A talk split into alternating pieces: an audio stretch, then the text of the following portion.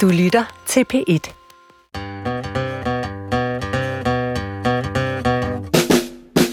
Du lytter til Vildt Naturligt på P1. Dine værter er Johan Olsen. og selveste Vicky Knudsen. I dag så skal vi ud i rummet, Vicky. Ja, det glæder jeg mig til. Faktisk så er vores historie som levende væsener ældre end jordens historie. Fordi der foregår ting derude, Vicky, Ja. som er ret voldsomme. Ja. Og som er grunden til, at vi overhovedet kan sidde her og lave Vildt Naturligt i dag. ja. Mod det uendelige univers Ja. er ikke helt forkert. er ikke helt forkert i, i, i dag. I dag skal vi nemlig hilse på dig, professor Thomas Rodriguez Greve fra DTU Space, og øh, du er meddirektør for Grundforskningscentret Cosmic Dawn. Velkommen til. Tak skal du have. Så vil jeg gerne snakke om teleskoper. Ja, Der kan jeg jo starte med at sige, det er jo noget, jeg har forstand på. Mm-hmm. Bare ikke den slags teleskoper, du arbejder med, Thomas. det er mere sådan nogle, man kan købe i fuglefreak-butikker. Jeg tror, princippet er det samme. altså, Altså, jamen, jeg synes jo, jeg har et utroligt lækkert teleskop. Ja. Ikke? Og det kan forstørre 60 gange. Tit er der jo en sammenhæng imellem kvalitet og pris. Så læser man 65 milliarder for et teleskop. Ja, fra Thomas' Ja, det Ja. og spark mig. Så kan alle samtlige Danmarks teleskoper godt pakke sammen og Ja, det lægge vil sig jeg også sige. Og, og, og sige undskyld, for nogensinde har troet, de var gode teleskoper. Kan du ikke fortælle, hvad det er for et teleskop, Thomas? det er det, der hedder James Webb Space Telescope, som er det nye flagskib fra NASA. Det er øh, øh, et, øh, det, vi kunne kalde et spejlteleskop. Øh, så jeg ved ikke, om det er et teleskop, du har, vi- om det er et, et linseteleskop, eller hvad det er, men, men det er i hvert fald der er et, et stort spejl, øh, Mm. som det her teleskop har, og det har en... Som øh, øh, parabolspejl? Ja, ja. ja, det er 6,5 meter i diameter, det her øh, spejl. Øh, men det er heller ikke, det er ikke et stykke spejl, det er det, vi kalder et segmenteret spejl. Så det består faktisk af 18 hexagonale øh, spejle, som så er sat sammen. Det er det største rumteleskop øh, nogensinde. Øh, altså Hubble-rumteleskopet, som nok er det mest berømte øh, rumteleskop, øh, det har en spejldiameter, og det, det er et spejl, og det har en spejldiameter på 2,4 meter. Øh, Og 6,5 på den nye. Ja, fra 2,4 til 6,5, ja. Og igen, øh, fuglenørder og andre, mm. også folk, der kigger på stjerner normalt bare stille og roligt derhjemme, der snakker vi millimeter, ikke meter. Ikke ligefrem, Når vi siger 65 for eksempel, så er vi i millimeter, altså 6,5 centimeter, og ikke 6,5 meter. Så på den måde kan man allerede fornemme, at det er et rimelig stort teleskop, vi har med at gøre. ja. Øh, Hubble, det blev så sendt i om, ja, omløb om jorden, ikke? jo. Mhm.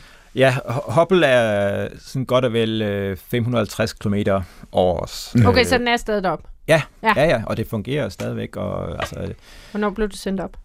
Oh, det gjorde det i 90. Ja, Hold da op. Det er ret imponerende, at det stadigvæk kører. ja øh, men det, har, det gør det så, fordi man har været i stand til at sende astronauter op. Det har man så holdt op med. Det holdt op, man op med for nogle år siden, fordi det, øh, det var ikke en prioritet længere, men, men man, dengang man havde rumfærgerne for eksempel, øh, der øh, sendte man astronauter op øh, en gang imellem til Hubble for ligesom at, øh, at, at, at fikse det og, og sæ- indsætte nye instru- instrumenter. Øh, Ja.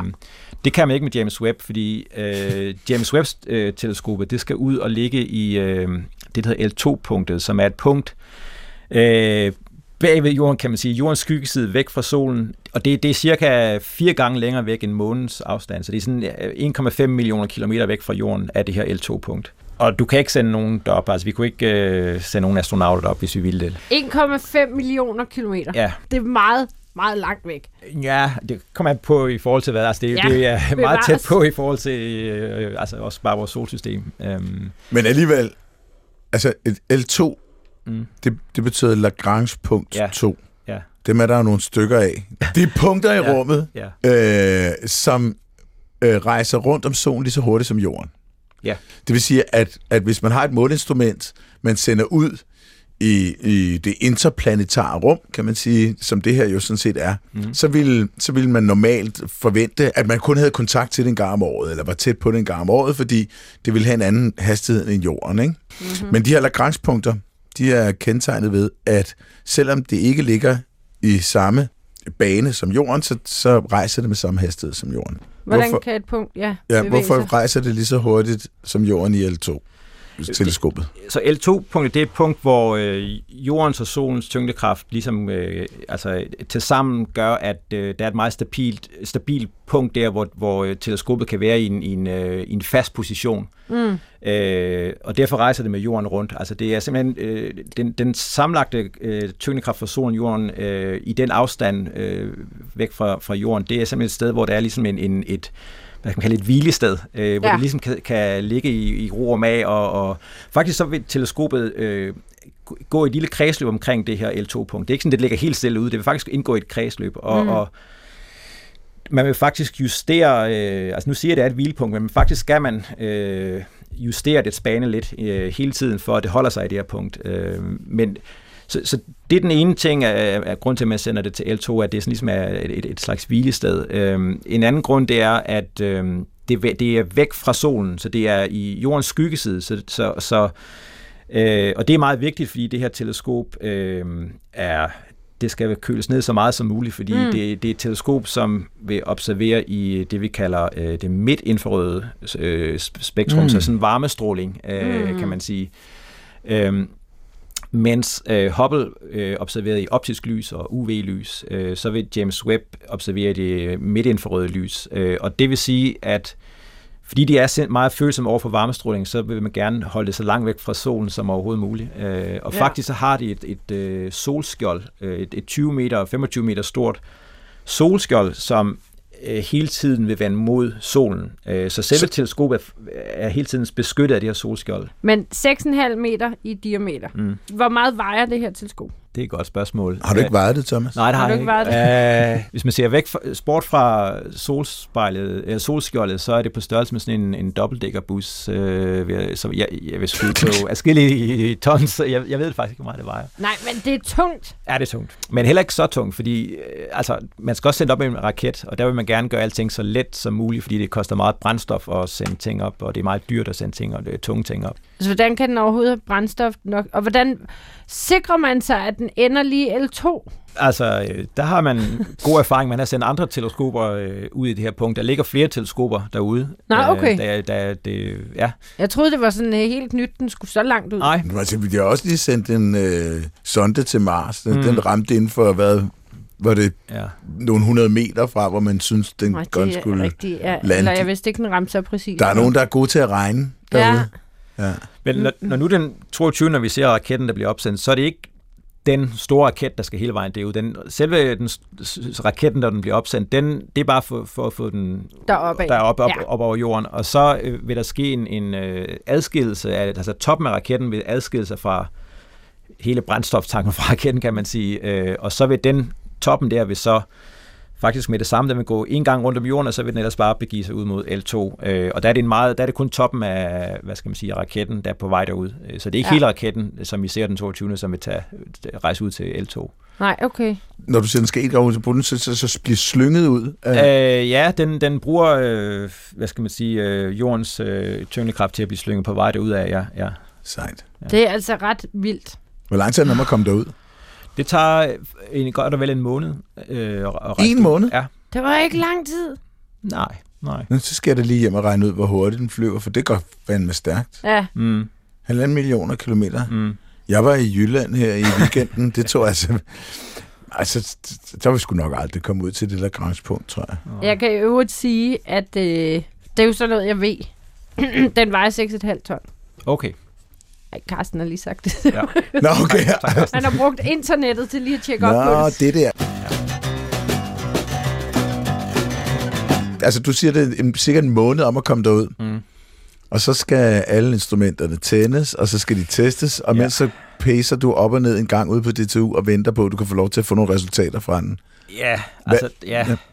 Altså der går yderligere, når der kommer derud, øh, så går det yderligere øh, op til et halvt år, før vi faktisk vil øh, begynde sådan rigtigt at tage data og se data. Øh, fordi når der kommer ud, så går de første i hvert fald 3-4 måneder med at, som du siger, tænde alle instrumenterne og sørge for, at alting er, som det skal være. Og, og, og så øh, efter sådan 5-6 måneder, så begynder de at tage det, vi kalder, øh, vi kalder det commissioning data. Altså de, de første egentlig øh, rigtige observationer, men som ikke... Øh, men er nogle, hvad skal man sige, nogle velkendte objekter, øh, mm. og det er ligesom sådan en, en, en første observation af noget, vi sådan kender, kan man sige. Ja, øh, på at teste, om det ja, stemmer overens. Ja, og så begynder så efter det, så begynder så øh, de rigtige observationer, og øh, af, der er forskellige observationsprogrammer, øh, som, som folk har fået tid på, inklusive øh, i Danmark.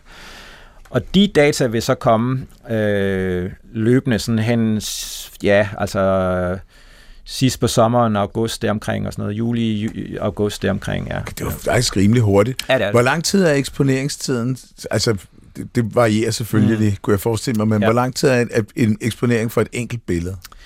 Jamen, det kommer meget an på, hvad, hvad det er for projekt, man vil lave. Så jeg, jeg er med i noget, der hedder øh, øh, MIRI øh, øh, Deep Field, øh, hvor vi vil kigge øh, øh på det, der hedder Hubble Ultra Deep Field. Så det er et lille bitte område af himlen, hvor Hubble stirrede i øh, altså dagvis, øh, og det er det dybeste billede, vi har i universet. Det er et ikonisk billede, ikonisk og hvis billede, lytterne ja. vil se det, så, så søg på det på ja. nettet. Hubble, Hubble Deep. Field. Ultra Deep Field. Ultra Deep Field. Det er helt... Jeg får kuldegysninger, hver gang jeg ser det. Ja. Altså. Det er vildt billede. Det er, det er et område af himlen, som er en brøkdel af, af månens størrelse, men inde i den, det lille område, der er der øh, tusindvis af galakser, ja. og nogle af de fjerneste galakser, vi kender. Og man kiggede oprindeligt derud, fordi man intet havde set. Ja, præcis. Ja. Det var fuldstændig ja. mørkt. Jeg tænkte, jeg ja. Nå. Og der vil vi, øh, vi er med i et, i, et, i et stort program, hvor vi vil tage et af instrumenterne på James Webb, et instrument, der hedder MIRI, som vi har været med til at bidrage til på D2 Space. Det er derfor, vi er med i det. Øh, og der vil vi tage det her instrument MIRI øh, og kigge på det samme område, og der vil vi kigge på det i øh, godt 45 timer, hvilket er utrolig lang tid med mm-hmm. det her teleskop. Øh, og det bliver øh, det dybeste øh, øh, billede, man har taget med det her instrument. Øh, så, så det bliver øh, super, super spændende at se. Og det lyder, Miri, det ja. lyder som noget medium infrared. Ja, præcis. Ja. ja. Det, det er ligesom, Miri er en, en så jeg, jeg nævnte før, at, at det her det er NASA's flagskibsprojekt, men, men Europa er også med igennem det, der hedder European øh, Space Agency, som er det europæiske rumagentur. Og Øh, Europa har været meget ind over det her MI-instrument. Det er ligesom blevet øh, øh, udviklet og, og, og bygget i, af, af Europa. Øhm, øh, og også selve opsendelsen, det glemte jeg måske også at sige, øh, af, af James Webb, det er Europa, der står for den. Øh, mm. så, øh, så, så de her øh, 65 øh, milliarder kroner, eller 11 milliarder dollars, lad os sige, der godt 1 milliard af det, det er Europa, der betaler for det. Ja, okay. ja. Hvor rejser raketten fra? Den rejser fra noget, der hedder Fransk øh, Guyana, i, øh, som er ude for øh, den sydamerikanske kyst i Landerhavet. Øh, det, det er en, en fransk øh, koloni af en slags, mm. øh, og, der, og det er der, hvor ESA har deres, øh, hvad man kalder det, rumhavn. Det er der, ESA opsender alle deres raketter fra. Okay. Ah, okay. Ja. ja, for jeg øh, stussede lidt over, altså mm. hvad der var specielt ved om det var, fordi det lige passede til den rute, du skulle ja, men det, det lyder som en hyggelig ferie. Ja, ja men grunden til, at man ikke gør det i, uh, i uh, Normandiet, men dernede i Fransk Guyana, det er, fordi det, det er tæt på ekvator. Okay. Og det vil sige, når man opsender raketter, så får... Uh, altså, øh, rotationshastigheden er højere ved ekvator, end er op, øh, jo længere nordpå du kommer ja. på, ikke? fordi diameteren er større. Så den får simpelthen et, et spark øh, ude i rummet, som gør, at du, så, du skal bruge Fuck yeah. mindre energi ja. på Okay, det vidste jeg ikke. Det er fantastisk. Så, ja. så heroppe, der er det, hvad er det, rotationshastighed? København drejer rundt øh, med 950 km i timen, noget af den ja. stil der. Og nede ved ekvator er det 1300, ja. 1400, ja. deromkring. Ja fuck, ja. det, så får du lige lidt ekstra ja. spark bag røven, ja, ja. selvfølgelig. Yes. Så der var rent faktisk, se, der, nogle gange, Johan, så skulle ja. bare overhovedet ikke have forstand på emnet, så nej, nej, tager så... du det spørgsmål rent faktisk. Nej, det er godt. Nej, øh, det var bare fordi, fransk i Anna, det lød bare så ja, netop ja. eksotisk og ja. sted, ja. men det er simpelthen det, der adskillige raketter, der er blevet sendt op fra. Skal du ja. derned og så se det opsendelsen? Bare... Vi prøvede at komme derned, øh, faktisk. Øh, men det har vist sig at være lidt svært, fordi flere grunde, ja, dels corona, øh, der var noget usikkerhed på grund af det, men også, at infrastrukturen er måske ikke helt optimal. Altså, der er ikke så meget der. Der er okay. ikke så vidt jeg har forstået. Nej. Minigolf. Nej, og så vi spurgte faktisk uh, ESA og Rumhavn dernede, uh, om vi måtte komme, uh, men hørte ikke rigtig tilbage. Uh, men jeg tror ikke, vi var vigtige nok. Men jeg kan sige, at uh, der er en, en af en, der hedder Peter Jacobsen, som er en, øh, en dansk astrofysiker, som har været helt ind over James Webb øh, helt mm. fra starten, altså tilbage i, i, i ja, 90'erne, øh, som har arbejdet ved ESA i over 30 år, øh, og er nu kommet tilbage til Danmark. Og han har faktisk stået for udvikling af et af instrumenterne på James Webb. Ikke Miri, men et andet instrument, ja. der hedder Nearspec. Jeg tror, han har muligheden for at tage ned, hvis han vil. Uh, han er med i The VIP. Han er, han er VIP nok. 30 år, så kan det være, du ja. får lov.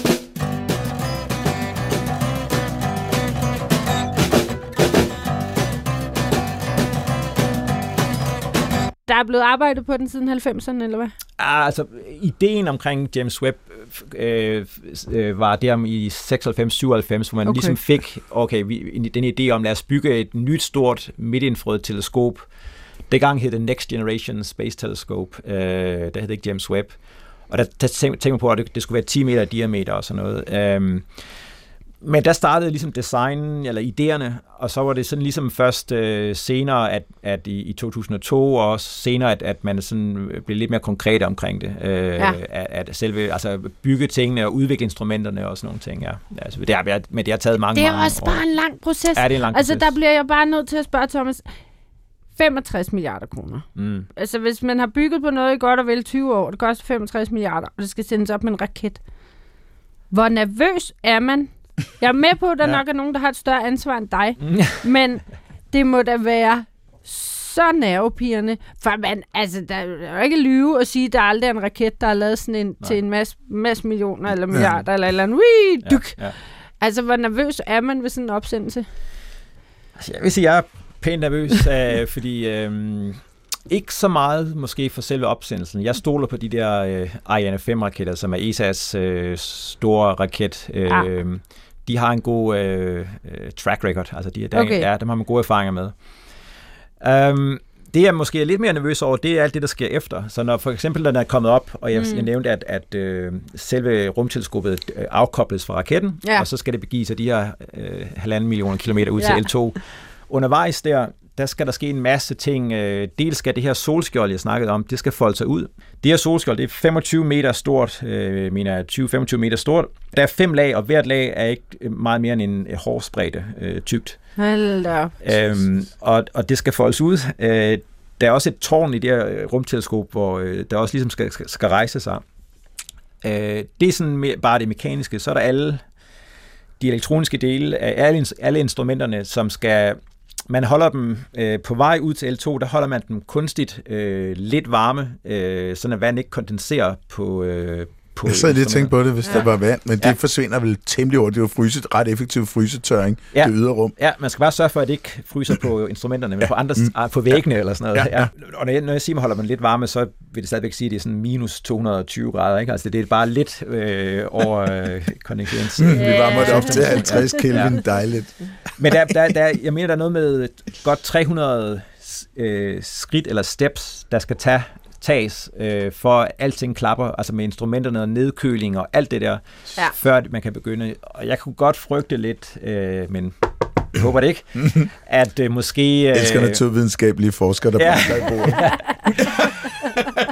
det kan ikke skade. Nej, det er præcis. Øhm, altså, jeg kunne godt frygte, at måske øh, et af instrumenterne fejler, eller måske det kun fungerer sådan 50 procent, eller, mm. eller noget. Ikke? Men, ja. øh, men lad os se, altså på den anden side, øh, man må da håbe, de har godt styr på det. Ikke? Og ikke altså, tage soverne på forskud. Nej, bestemt. bestemt. Vel?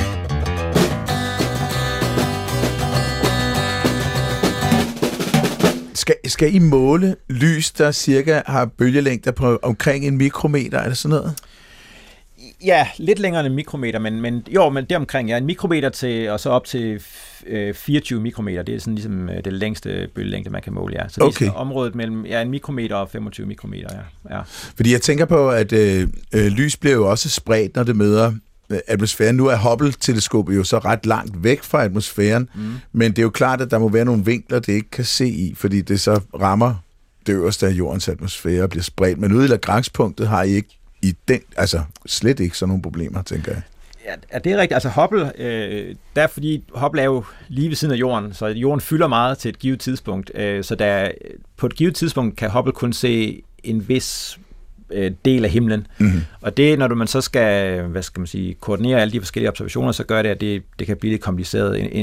Og desuden så Hubbles øh, kredsløb omkring jorden er, altså den bevæger sig meget hurtigt, og det vil sige, når man skal pege og, og, og, øh, på stjernerne, så øh, gør det også det lidt vanskeligere med, at den fiser jo rundt samtidig med, at den skal pege på et bestemt, bestemt sted på Den himlen. må også bruge en masse energi. Ah, Ja, og der, der er det nemmere for James Webb, at, at øh, jorden fylder ikke så meget derude, da jorden er, er meget mindre, så den kan, mm. den kan observere en større del af himlen øh, på et hvilket som helst tidspunkt, og, og den, den bevæger sig heller ikke så hurtigt, øh, altså dens kredsløb er ikke så hurtigt, så det gør alting lidt nemmere for James Webb, kan man sige. Ja. ja.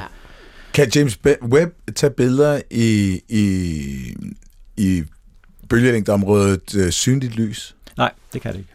Det er, øh, nej. Så vi kan ikke få et eller andet super sejt billede af jorden, der står lille lige bitte, midt bitte i jord. solen der. midt i kæmpe, kæmpe, kæmpe univers. Det kan vi jo så se godt, men så, så kunne man måske oversætte bølgelængderne bagefter og få det til at se ud som om. Uh, det er vel en fancy plakat, det der. Jeg, jeg tror heller ikke, de vil pege på jorden med et teleskop. Nej, nej, nej. Tror jeg, er du sikker på, at hvis vi ikke skriver en lille mail, at de ikke lige kunne Ja. ja. få det Der sker jo Johans nok- fif med Jeg kunne over? forestille mig, hvis de gør det, at, så, at den baggrundsstråling, der Ja. kommer fra solen, vil smadre det der Ja, ja, jeg tror ikke, vi har nogen god idé. detektor Det kan rimelig være, det ikke hæftigt. Ja. Og også bare jorden i sig selv vil være super, altså vi nok øh, stege alle instrumenterne, kunne jeg forestille mig. Altså det, Okay. Ja. Altså, så, altså jorden har jo også en stor midtinfrarød stråling, øh, den har jo en høj temperatur, øh, jorden, så Okay, det er lidt sjovt det der, fordi det siger jo måske noget til os dødelige om, hvor følsomt det er. ja, Ja. Altså selve jorden, det er ikke engang solen, så selvom solen ikke havde været der, så selve det at pege instrumentet på halvanden millioner kilometers afstand mod jorden vil, vil øh, overmætte, meget voldsomt overmætte detektoren, det øh, føler jeg mig ret overbevist om, vil være Ja. ja. tilfælde, ja. ja. fordi jorden er varm. Men man kan se øh, fjerne jord, man kan se øh, eksoplaneter. Eksoplaneter, Ja. hvor, hvorfor kan du se det? Jamen, det, altså, det er jo min... Jeg har en god kollega, som beskæftiger sig med eksoplaneter på... på Og DTU. eksoplaneter betyder bare planeter omkring andre sole. Ja, præcis. Øh, og dem ved vi findes. Man har målt over tusindvis af eksoplaneter, altså planeter omkring andre stjernesystemer i, i vores egen mælkevej.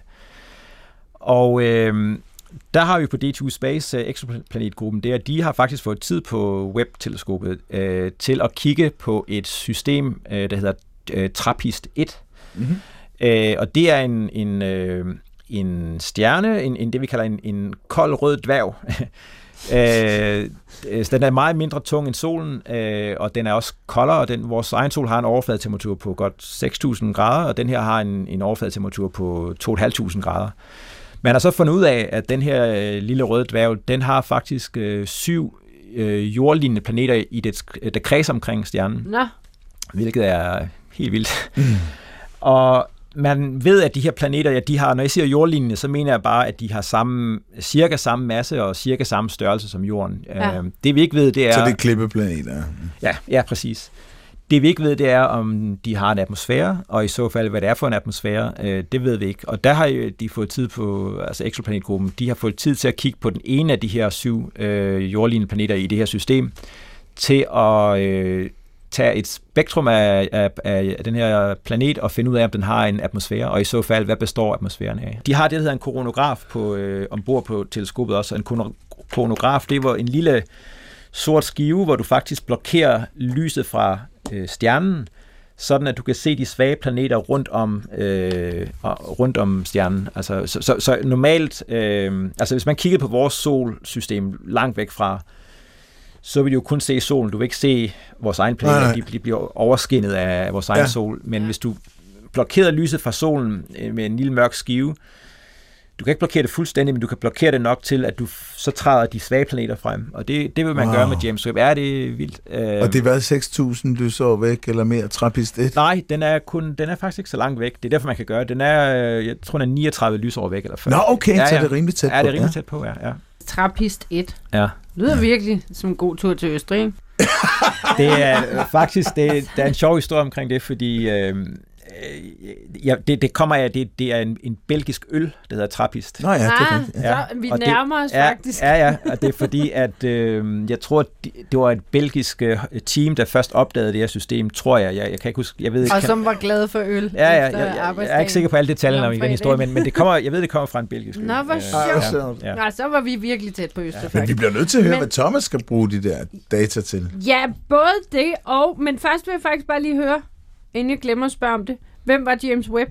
Altså, hvem Ja. ja. er så heldig? Ja, det kunne da også være fedt. Det var Vicky Knudsen. En Vicky Knudsen teleskopet. Space Telescope. Ja. Ja. Men det kommer nok aldrig til at ske. Er vi ude i en eller anden virkelig kendt astrofysiker? Eller? Nej, jeg, jeg har kendt ikke til ham før, at, han, Okay. at de opkaldte teleskop efter ham. Han, altså, han, var, øh, han var faktisk øh, NASA's administrator øh, under Ap- Apollo-programmet, så det er i 60'erne, altså Nå, fra okay. 61 til 68. Der stod han for, at øh, ja, han, var- han var ansvarlig for NASA under Apollo-programmerne, og han, han var også ligesom, hvad skal man sige, øh, han, var, han var en god administrator øh, Ja. øh, på den måde, at han, han rykkede NASA øh, fremad videnskabeligt. Der har så selvfølgelig været nogle, det har jeg sikkert hørt, nogle, nogle kontroverser omkring, øh, at der var en masse øh, øh, øh, homoseksuelle blev fyret på NASA i den tidsperiode også, og der, Nå. der, der har kørt noget øh, på, på sociale medier omkring, at der, der, der er folk og astronomer, der gerne vil have, at man øh, ændrer navnet på teleskopet fra James Webb til noget andet. Og det blev faktisk, NASA tog det faktisk op til overvejning, men besluttede så faktisk øh, tidligere i år, at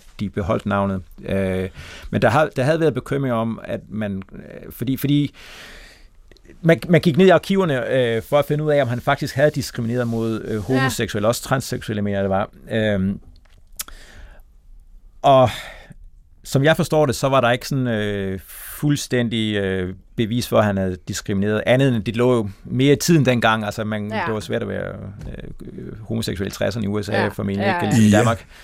Øhm, så af den grund har det været kontrovers. Men, Nå, men, øh, okay. men altså, den op, oprindelige grund til, at, at, eller grund til, at man i første omgang øh, opkaldte teleskop efter ham, det var, at han var en, en, en dygtig administrator i den forstand, han, han rykkede NASA fremad Ja, ja, ja. ja. naturvidenskabeligt og sådan noget. Men det er ja. også, altså hvis vi, øh, hvis vi satser på, at han rent faktisk ikke var homofobisk eller Mm, transfobisk, mm, mm, eller noget mm, som helst, men var et godt og ordentligt menneske, øh, så synes jeg faktisk også, det er meget fint, at teleskopet er blevet opkaldt efter en, der ikke bare var en af astronauterne, der rejste ud, som alle kender. Mm. Eller, altså, at det rent faktisk er en person, man ikke rigtig har hørt om, Mm. men som har gjort kæmpe arbejde. Det kan jeg godt lide, når det er dem, der sådan lidt... Jo. Mere, det kan godt være, hvis man Mm. arbejder på NASA, man godt var klar over, hvem James var. Men vi ville for have af foretrukket Vicky Knudsen teleskopet.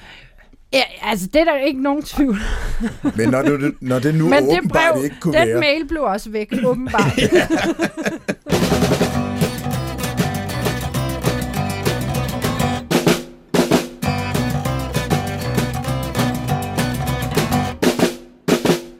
Vi har dig, professor Thomas Rodriguez Greve fra DTU Space, med i dag for at høre om et projekt, som du er en del af, som skal gøre det muligt for jer at se endnu længere tilbage til starten af galaksedannelserne.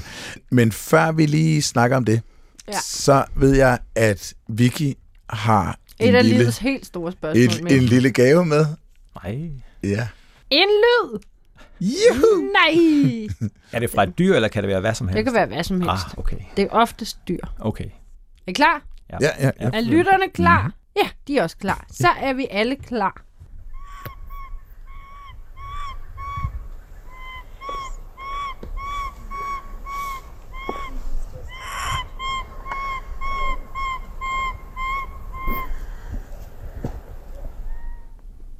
Altså, den synes jeg var lidt kedelig, Vicky. Ej, nu skal du være sød. Du Ej, men ville altså- ikke synes, det var kedeligt, hvis du vidste, hvad det var. Og det er faktisk en lytter, der har sendt det ind. Ja. Så tak til August for det. Alt andet end kedeligt klip. Det lyder Du lidt som siger sådan bare, en... det er kedeligt, fordi du ikke har nogen idé om, hvad det er. Ja. Så, så tænker jeg på til det måge, der er sådan lidt Ja. søvnig i det, eller sådan noget, ikke? Altså, det er sådan lidt... Ja, Jeg synes, man har hørt det før i hvert fald. ja det jeg ved en også. havn eller sådan noget. Ja, ja. Det er jo ikke alle, der kan have sådan nogle spændende stemmer, vel? Nej, nej, nej. Nej. Som os to. Altså, som Thomas og mig. Ja. Ja.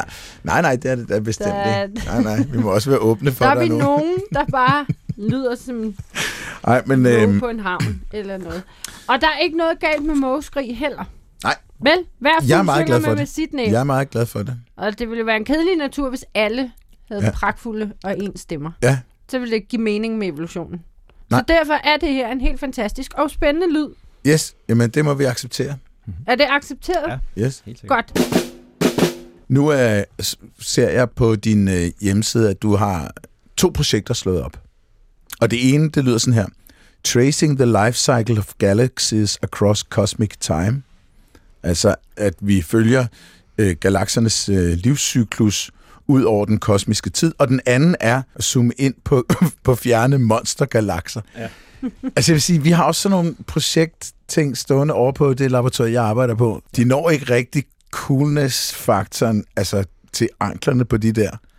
Kan du, kan du fortælle mig, hvad det drejer sig om? Altså det sidste projekt, det der med at zoome ind på monstergalakser ved Cosmic Dawn, det har at gøre med, at vi bruger øh, det, der hedder den gravitationelle linseeffekt. Så det vi bruger simpelthen øh, massive galakser, øh, som ligger mellem os her på jorden, og så den meget, meget fjerne galakse, vi egentlig gerne vil studere. Så mellem os og den meget, meget fjerne galakse, der ligger der en klynge, øh, eller en enkelt meget massiv galakse. Og den her meget massive galakse, som øh, ligger på mellemvejen, den er så massiv, at den bøje rumtiden. Det var noget af det, som Einstein fandt ud af øh, med sin generelle relativitetsteori. Og det vil sige, at lyset fra det her meget, meget fjerne baggrundsobjekt, som vi egentlig er interesseret i, når det rejser ned mod os, så skal det ligesom passere forbi den her mellemliggende, meget tunge galakse. Og når lyset passerer igennem den her region, hvor den her meget tunge galakse ligger, øh, så mærker det, at, så mærker lyset, at, at rumtiden er krum, øh,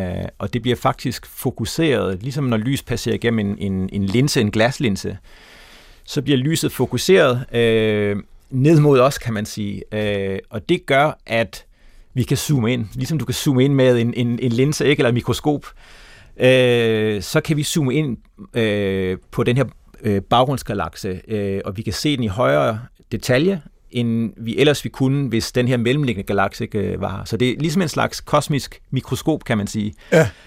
Øh, og der har vi været heldige at finde en, en, en hel del af de her øh, øh, galakser, som bliver øh, forstørret af en mellemliggende galakse. Øh, Altså forstørret, bliver, ja. bliver, de, bliver, de ikke, bliver billedet af dem ikke forvredet ret vildt? Også det, jo jo. Altså det bliver både forvredet og, og forstørret, så vi, vi kan modellere øh, forvridning, hedder det, altså hvor meget lys er blevet forvredet. Okay. Øh, det kan vi modellere øh, matematisk, og så kan vi ligesom tage højde for den forvridning, øh, og så gendanne øh, det ægte billede, som det vil se ud, men forstørret. Og, og der er ikke så mange af de her monstre. Altså monstre, øh, når det kommer til galakser, de er sjældne. Øh, der er mange flere galakser, som er sådan mindre, øh, altså ikke så tunge og, og sådan mere almindelige.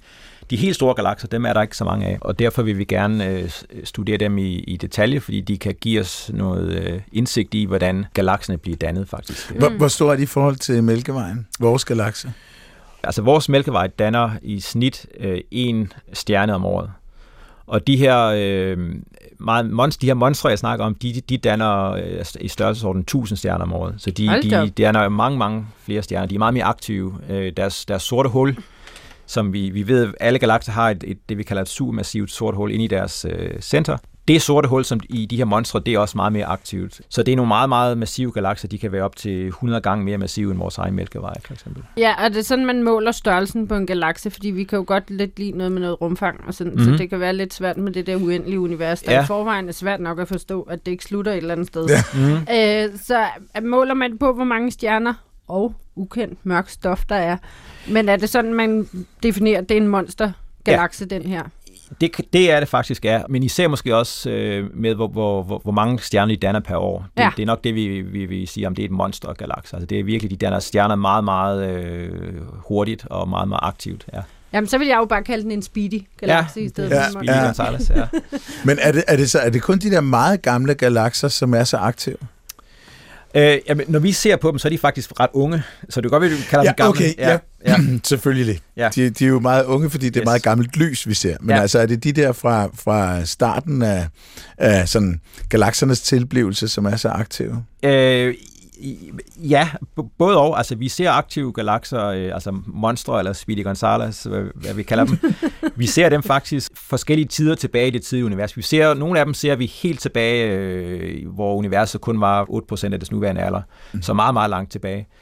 Vi ser også nogle øh, lidt længere frem i tiden, øh, måske kun nogle milliarder år siden, øh, øh, og så ser vi nogen i, i, i vores univers i dag, når vi kigger rundt i det lokale univers, det vi kalder det lokale univers, der ser vi ikke helt de her monstre, som danner stjerner, øh, sådan tusind stjerner om året. Der ser vi nogen, der måske danner stjerner, øh, sådan et øh, par hundrede stjerner om året, og de er de mest ekstreme, vi ser. Mm. Øh, så vi skal, vi skal ud i, tilbage i tiden og ud i det fjerne univers for at kunne se de her helt ekstreme galakser. Ja. Jeg har læst, at de første stjerner og galakser mm blev dannet for 13,5 milliarder år siden. Mm-hmm. Der kan jeg igen bedre arbejde med, at vi har en jordklode. Mm. Så tager man nogle prøver og nogle sten og finder ud af, hvor gamle de er. Øh, nogle kulstofprøver osv. Hvordan finder man ud af, at den der, den der galakse, den er 13,5 milliarder år gammel. Den der er kun 10, eller hvad man Ja. arbejder med. Godt spørgsmål. Øh, så det er altså... øhm, altså for, for det første, så kan vi se de her meget fjerne galakser, så vi kan se galakser meget, meget tidligt i, i universets levetid. Og du kan så spørge, hvordan ved vi, at de er så langt væk? Mm. Og der har vi nogle metoder, som... Øh, altså i virkeligheden, så snakker vi ikke så tit i astronomien omkring øh, afstande som sådan. I hvert fald ikke i det meget, når vi snakker om det meget fjerne univers, så dropper vi lidt at snakke om afstande, og i stedet for så snakker vi om noget, der hedder rødforskydning, som er et mål for, øh, hvor meget det lys, som galaksen udsendte, hvor meget det lys bølgelængde er blevet strukket ud øh, på det vej ned til os. Og det er sådan, at øh, jo længere væk en galakse er, jo mere bliver det her lys trukket ud. Mm. Øh, altså, og, og det vil sige, når, når du trækker øh, bølgelængde af lys, når det, den bliver større, når du trækker bølgelængden ud, så bliver det også rødere. Mm. Så vi kan øh, måle, øh, man kan sige, hvor rødt det her lys er, og det giver os en indikation af, hvor langt væk galaksen er. Ved I, hvor lidt rødt det er fra starten? Ja, vi kigger typisk på nogle øh, spektrallinjer, som er nogle øh, lys ved nogle helt bestemte bølgelængder, som bliver udsendt af atomer og molekyler. Det var det, Bohr fandt ud af, at atomer har nogle helt bestemte energiniveauer, mm. og når et atom går fra det ene energiniveau til det andet, jamen, så bliver det udsendt lys ved en helt bestemt frekvens. Og dem kan vi måle i laboratoriet, så for eksempel hydrogen har meget berømt øh, spektrum af, af emissionslinjer med nogle helt bestemte bølgelængder. Vi ser så for eksempel nogle emissionslinjer fra hydrogen, hvor vi ved, okay, i laboratoriet, der, der er den her linje ved den her bølgelængde, men vi, når vi observerer det fra den her fjerne galakse, så er det ved en meget, meget længere bølgelængde, altså meget, meget rødere mm. lys. Og den forskubning, det er et mål for, hvor langt væk galaksen er. Det er genialt. Så jeg har et perfekt ja. nulpunkt. Præcis, ja, Ja. ja, Ja. det har vi, ja. ja. Den hastighed, hvormed universet udvider sig og har udvidet sig siden 13,5 milliarder år siden, Mm. den har, vel, den har jo ændret sig. Det er rigtigt, ja. Men du ved præcis, hvor meget den har ændret sig. noget af det, som Einstein, der kom ud af Einsteins generelle relativitetsteori, øh, han troede sig ikke selv på det, men noget af det, der kom ud af hans teori, det er, at, at, øh, at universet udvider sig, at universet er dynamisk. Mm. Øh, der var en amerikansk astronom, der hed Edwin Hubble, som så gik ud og målte det. Han gik ud og målte på galakserne. Han, han vidste, hvor langt væk de var sådan i, øh, i, i fysisk afstand, kan man sige. Og så målte han den her rødforskydning, jeg lige snakkede om. Og så udledte han et forhold mellem afstanden og så rødforskydningen. Og så fandt han ud af, at jo længere væk en øh, galakse var, jo større var den her rødforskydning. Dermed konkluderede han, at universet måtte udvide sig. Mm. Øh, og Einstein sagde øh, berømt, at det var øh, en af hans største fejl, at han ikke øh, accepterede det fra starten af, som hans, det som hans ligninger sagde. Ja. Der har man længe øh, gået og troet, at raten, hvormed universet udvider sig, vil blive øh, øh, øh, lavere med tiden, fordi stof i universet jo har en tyngdekraft, som ligesom vil tilbageholde øh, universets udvidelse. Det har så vist sig, at det faktisk er det, det modsatte af tilfældet, at man fandt ud af øh, i 90'erne, at universet faktisk, øh, dets udvidelse accelererer med tiden. Og så har vi selvfølgelig også, altså vi har andre målinger fra det, der hedder den kosmiske mikrobølgebaggrund, øh, som fortæller os, at universet er 13,7 milliarder år gammelt. Så vi kender universets alder øh, ganske præcis fra de her øh, målinger, noget der hedder den kosmiske mikrobølgebaggrundsstråling. Mm. Ja. Nu har vi, tror jeg, fået nogen at tjekke på, hvad det er, du st- står og kigger på. Um, men hvorfor gør du det? Tidligt univers, galakser. Hvad er det, der er, er spændende ved dem for dig? Jamen, altså sådan helt basalt er det jo fordi, øh, at man gerne man er nysgerrig på naturen og på verden og på universet. Ikke? Altså, den nysgerrighed har jeg altid haft, altså også fra, fra barnsben af, at, at gå ud og kigge op på stjernehimlen og, og bare, jeg husker, jeg havde en, en, en rigtig god kammerat, og vi, når vi gik hjem fra skole, så, øh, så snakkede vi tit om, hvad ville der ske, hvis man rejste ud i, i rummet. Ikke? Vil man mm. ramme en mur, eller vil man bare blive ved med at rejse, eller, mm. eller hvad? Og det jeg tror alle, alle de her øh, tanker og, og, og skøre idéer, man har som barn, de, dem har jeg aldrig rigtig blevet fri for, tror jeg. Så Nej. dem har jeg stadigvæk. Så det, det er sådan en helt basal nysgerrighed. Øhm, Ej, det er fedt. Ja, og, og så kan man sige, så mere sådan i professionel regi, så er det, så er det også der, øh, synes jeg i hvert fald, det kan være der andre, der ikke er enige i det, men det, jeg synes, det er meget der, at de nye resultater er, det er at prøve at skubbe den her, øh, altså vores yderste kosmiske grænse endnu længere tilbage, øh, og prøve at finde de aller, aller første galakser, som vi ikke har set endnu. Øh, vi har jo set masser af galakser til, øh, tættere på os og til senere tidspunkter, og dem har vi studeret i, i årtier. Og der er masser af spændende, interessante ting at, at finde ud af det, og det er også, jeg laver også den slags forskning, øh, men, men øh, lige i de her år, synes jeg, det er utroligt spændende at, at prøve at, at skubbe, øh, hvad skal man sige, grænsen tilbage til de aller, aller tidligste galakser. Hvad, hvad, er den fysiske, hvad er den absolute fysiske grænse for, hvor lang tid man kan se tilbage? Jamen, det er jo det, vi kalder grænsen af det observerbare univers. Man har set den her, jeg nævnte før, den her kosmiske mikrobølgebaggrundsstråling. Det er et ekko fra det fra The Big Bang. Det var, det var en, en, en baggrundsstråling, som, øh, hvad skal man sige, blev skabt, kan man godt sige, kun 300.000 år efter The Big Bang. Mm. Øh, så det er jo helt tilbage til begyndelsen, kan man sige, selvom det er 300.000 år efter The Big Bang. Det, det er, hvad skal man sige, en slags fundamentale grænse før den opstod, var der ikke noget lys i universet. Der var stofmængden for tæt til, at der overhovedet kunne slippe noget lys ud. Er det, er det rigtigt forstået? Altså, der, der var lys i den forstand, at der var lyspartikler, øh, som vekselvirkede med elementarpartiklerne. Øh, men øh, der ved de her 300.000 år efter Big Bang, der var universet, der havde det kølet nok ned, fordi universet udvidede sig voldsomt i de tidlige mm. faser. Øh, I de her 300.000 år efter Big Bang, der havde det kølet nok, tætheden af stoffet og blev lavet nok til, at øh, lyset ligesom øh, ikke længere hele tiden stød ind i de her øh, øh, stofpartikler, og så kunne mm. ligesom undslippe. Ja. ja. Men jeg bliver nødt til lige at spørge, øh, Thomas, om du ikke nogensinde bliver grebet af, for det kan man måske fornemme, jeg i hvert fald bliver grebet af, det tror jeg, der er mange, der bliver grebet af, at det, at det nærmest er frustrerende. En ting er The Big Bang, men hvor kom universet fra? Hvordan er det opstået? Hvad hører det til? Jeg tror bare det der med, at man ikke kan begribe, at det ikke slutter. At mm. det skulle være uendeligt, og at det hele tiden har været der, mm. er så vanvittigt op i mit hoved, at jeg næsten ikke kan rumme det. Det tror jeg, det er, i, det, det er i vores allesammens hoveder. Altså, jeg tror ikke, øh, man okay, er helt man, normal, hvis man ikke synes, det er lidt Så man øh, forliger sig ikke med det på et eller andet tidspunkt? Altså, og sådan, Nå ja, det giver god mening. Altså, når man har arbejdet tilpas længe med det. Det var bare nej, det, jeg tænkte, man nej, nej, det, det giver aldrig god mening, Godt så.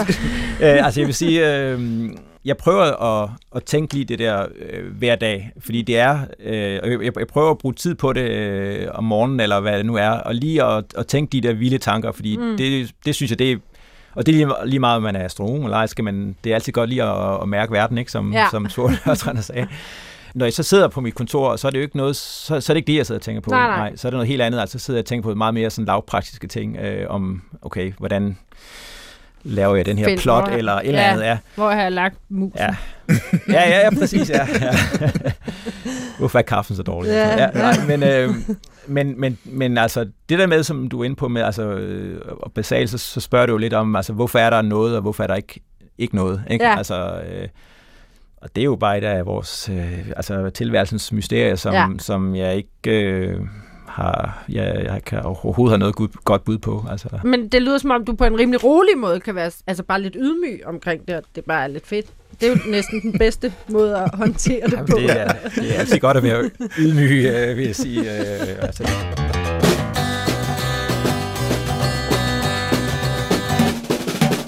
Du lytter til Vildt Naturligt med Vicky Knudsen og Johan Olsen. Jeg hedder Thomas Greve, og jeg er gæst i dag.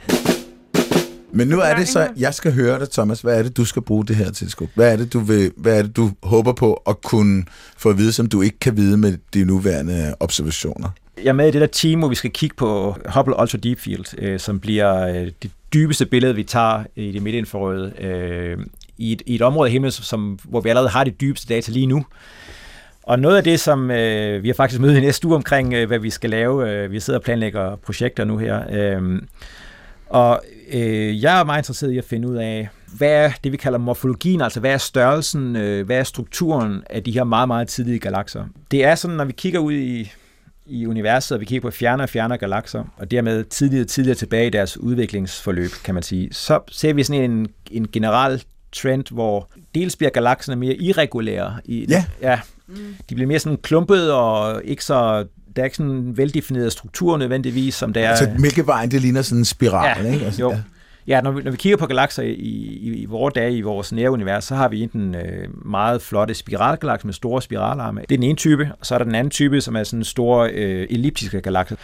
Og når vi kigger ud i det fjerne univers, så så ser vi, at de øh, er meget mere klumpede, og, har, og de, øh, men de, også, de bliver også mindre. Der er mindre stof per galakse? Ja, altså det kan du godt sige. Altså galakserne, øh, så galaksedannelse sådan helt generelt, de starter med at være nogle små nuggets, McChicken nuggets eller noget, altså nogle små klumper af, af, af, af, af ansamlinger af stof, øh, mørk stof og, og, og stjerner og støv, som så smelter sammen, som tiden går. Det er sådan den generelle tendens der er så også de her kosmiske monstre, jeg snakker om før, og det er nogle, øh, som er sjældne, hvor, hvor vi meget tidligt får dannet store galakser, øh, som ikke helt passer ind i det her hierarkiske opbygning af galaksedannelse.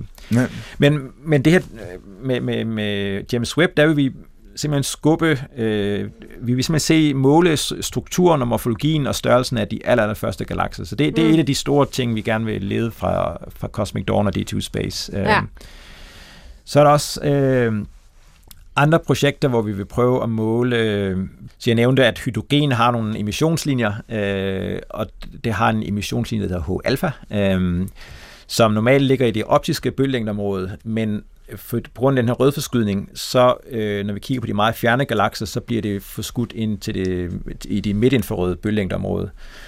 Og der vil vi med, øh, der vil vi kunne se, øh, vi vil kunne måle den her øh, H-alpha-linje fra hydrogen øh, mm. i en meget øh, svage galakser og, øh, og, og i- ved meget, meget øh, stor afstand.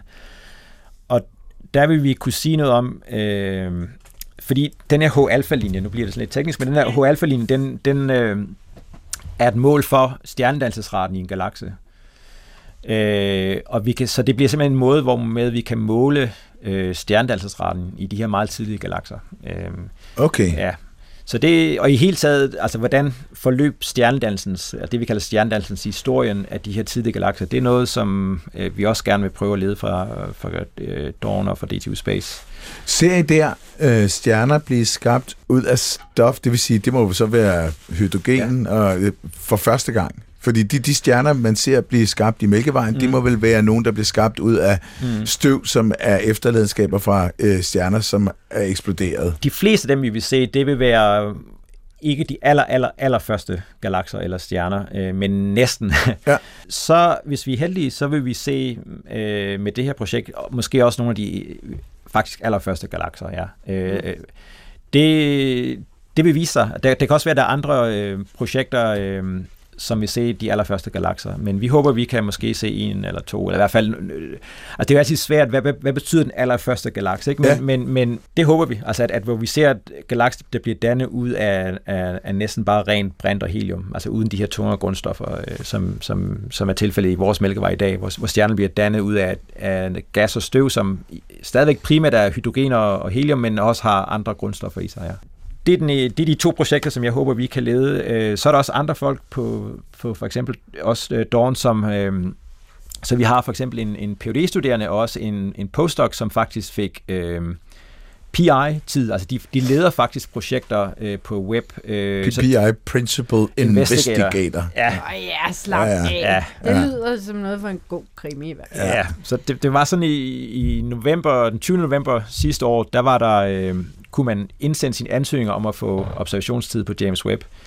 Og der blev indsendt over 1000 ansøgninger fra over 44 lande. Øh, Hold da op. ja. Og den samlede tid, der var til rådighed, var 6.000 timer. Det er faktisk ikke så meget tid. Øh, Ud af de her 1000 ansøgninger, der blev indsendt, der blev der så kun udvalgt øh, omkring 280 øh, ansøgninger, som faktisk fik tid. På Dawn var, ledte vi faktisk øh, seks af de her øh, 280 ansøgninger, og to af dem er folk, der er i København, og så andre, det er nogen, som øh, vi arbejder sammen med Ja. øh, uden for København. Og hvem er det, der ellers er involveret i Danmark? Ja, så vi sidder øh, øh, Cosmic Dawn Centeret, øh, og så sidder der også, hvad hedder det, øh, Exoplanetgruppen på DTU, hvor jeg nævnte, der var en studerende, der havde fået tid. Øh, Mm. Og så er Aarhus også meget med. Øh, så Aarhus er med i øh, et projekt, der skal kigge på øh, supernova-eksplosioner og finde ud af, hvor meget, hvad for nogle grundstoffer bliver der dannet i supernova-eksplosioner. Så det er, når de, her, de mest massive stjerner eksploderer. Det er nogle af Ja. de mest energirige eksplosioner i universet. Og så er der også et program, hvor de vil øh, finde ud af, hvordan livets byggesten, altså organiske molekyler, hvordan bliver de dannet i, på, på små støvkorn i, øh, i, i, i rummet mellem stjernerne i, i vores mælkevej. Så altså, jeg sad og kiggede øh, på, øh, jeg så sådan kort over Europa, hvor øh, der var en rød plet for hvert succesfuldt øh, James Webb proposal. Ja. Og der synes jeg, Danmark så rigtig godt ud. Altså, vi havde mange prikker. Danmark betaler øh, rundt regnet sådan 100 millioner kroner om året til ESA. Mm. Øh, det er vores hvad skal man sige, blokbidrag til ESA, sådan rundt regnet. Mm. Og så har vi på D2 Space bygget nogle kulstofstænger, som faktisk holder det her MI-instrument oppe. Det gjorde vi i samarbejde med et, et firma i, i Odense. Når man tænker på det, vi putter ind øh, fra dansk side, både økonomisk og teknologisk og, og, og videnskabeligt, så, ja, så får vi meget, meget ud af det videnskabeligt, mm. vil sige. Så jeg, jeg synes, det, det er en, en rigtig god ting for Danmark. James Webb havde ikke været det samme uden Danmark. Nå. Altså, det er der nogen, der vil sige, ja. Sammen med Perseverance men det er og hele Mars mission. Ja, ja, men altså alt. Hvad havde verden været uden Danmark? Det havde været lidt mindre bacon. Måske med, ja. Ah, okay, nu er jeg hård. Thomas, det var super spændende, men tiden er løbet fra os. Mm. Så jeg har to vigtige spørgsmål til sidst, som man skal spørge en astrofysiker om. Ja. Et, hvor meget glæder du dig på en skala fra 1 til 10? Til James Webb launch? Jeg glæder mig... Jamen, er det ikke ligesom i uh, Spinal Tap? Turn up to 11. så det er noget med 11. Godt så. Åh, ja. oh, en smuk film. Øhm, der er bare ikke noget bedre, når man er lidt nørdet og bare glæder sig helt ekstremt meget til noget, og andre kan sidde og tænke, ja, det er ja. meget pænt. Ja. Uh, det kender vi alle her i studiet virkelig godt. Så... Uh, så vi vil ønske dig og alle de andre, og de, jeg ved ikke, hvor mange lande, der er involveret i det her. Øh, god fornøjelse, og øh, pøj pøj med det hele. Tak. Vi håber, alt går glat. Ja. Og det andet spørgsmål, som man altid skal stille, er, tror du, der er liv derude et sted? Ja. Det havde været farligt at sige nej. Ja, det, det Nå, hvorfor ikke? Åh, oh, fuck. Ja, ja.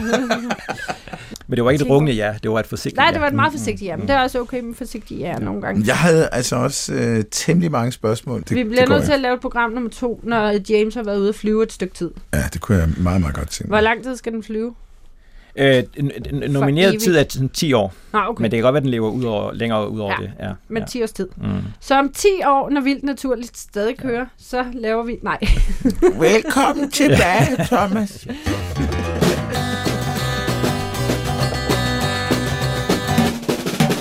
Vi skal lige have afsløret en lyd til Nå, sidst. Ja. Skal vi lige høre den igen? Ja, lad os høre den igen.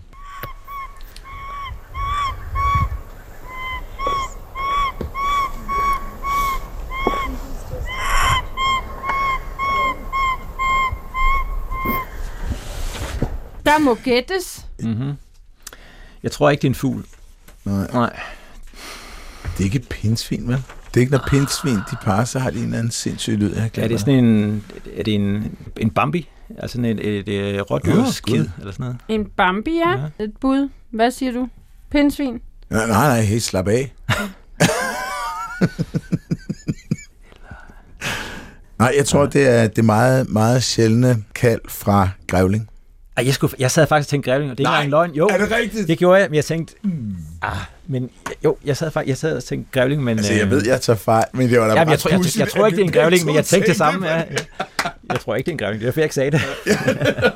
jeg satte sig på grævling. Jeg synes, I er søde den måde, I sidder og opmuntrer hinanden, og samtidig netop siger, altså, vi ved godt, det er forkert, vi ved godt, det er forkert, det er bare pudsigt, det er bare fedt, vi ja. ligesom er enige, så vi det er nok rigtigt, Thomas eller det er det ikke, men... Ja. Og øh, der kan I sige, at I har taget fuldstændig fejl. Mm. Nej. Vi er dog over et pattedyr. Nå. Et pattedyr fra øh, Island, hvor August har filmet det i august. I Hornstrandir. Hornstrandir. Ja, det kan jeg godt. Nå, okay. Alligevel? Nej, det gør jeg ikke. Nå, okay. det er Hornbæk bare i Island. Nå, nu har jeg fundet videoen frem her, så I kan se det. Så er det simpelthen en spækhugger eller sådan noget? Nu tænder jeg den, er I klar? det Island? Jeg kan Det er de sødeste små polarrevunger, som kalder. Polarrevunger. Mm. Ja. ser det ud som om, at den savner sin mor, den der. Ja, yeah, eller sin Ej, var den fin. eller sin mor. Men det er rigtigt, den ser lidt... Men der er ingen tvivl ja. om, den i hvert fald kalder lidt på resten af ja. flokken. Det er simpelthen polarrev. Altså en polarrev grævling. Men han skrev også, at der var to-tre stykker, der tullede rundt sammen. Og Nå, de er jo ikke de sådan nogle, så man kan jo virkelig sikkert få nogle virkelig... Hvor er de fine? Og det, og det der, tror jeg, er hornstrandier. Okay, ja. Det kunne være sjovt at finde ud af, hvordan en grævling så rent faktisk siger. Åh, ja. oh, det ved jeg godt. Men jeg vil ikke sige det til jer Nej. i dag. Nå, Gud. Det kan være, at den bliver genlydet en anden dag. Kan være, jeg, Men jeg kan godt sige, at paringsløsende pindsvin, de siger... Nå, det er rigtigt. Ja, ja. Jeg kan overhovedet ikke sige som grævling. Men uh, tusind tak, August, for den skønne, skønne video, og på ingen måde kedelig lyd. Kan vi være enige om det? Thomas ja, og Johan. Ja, vi vil gerne have tak. lov til at sige undskyld til Også August. til mågerne. Ja, og til mågerne. Ja. Ej, må, oh, til grævlingerne. Ja, og grævlingerne. Og grævlingerne. Pindsvin og dem alle sammen. Tusind tak for besøget, Thomas Rodriguez Greve. Tak fordi jeg måtte komme. Øh, det har været en fornøjelse. Professor og forsker på DTU Space. Og ja, så er han også meddirektør for Grundforskningscentret Dawn. Cosmic Dawn. Cosmic, Cosmic Dawn. Dawn. Og så vil vi også gerne øh, sige tak til øh, vores øh, trofaste lytter. Ja, tak fordi I lytter med. Det er Ja. vi rigtig glade for. Og vi vil også gerne sige tusind tak til Carsten Nielsen, vores øh, voksenven, som har hjulpet os igennem udsendelsen. Tak for dig, Øhm, Carsten. Ingen vildt naturligt uden Carsten. Nej, Og øh, så vil vi opfordre vores lytter til at skrive til vores øh, mailadresse. Vi har sådan en mailadresse. ja, den hedder vildt naturligt snablag.dr.dk. Ja, det er rigtigt, Vicky. Jeg Mm. glemmer den altid. Nu er det sådan, at man også kan lytte til udsendelsen, denne her og gamle udsendelser på, på DR Lyd og andre sådan nogle øh, podcasts. Lige der, hvor man finder sin podcast. Og hvis man kender nogen, der hører det, og ikke ved, hvordan man finder et podcast, så må man lige hjælpe dem. Giv lige give dem en hånd. Jeg lige give dem en hånd. Ja. Jeg skal ud og have mig en Hubble uh, Extreme Deep Field Ja. plakat. Yes. Yes, det vil Det er jeg et virkelig... utroligt flot billede. Det Ja, må jeg give ret i. Mm. Og med de ord, tak for nu. Tak, Tak for for alt. Naturligt for i dag. Tak for alt.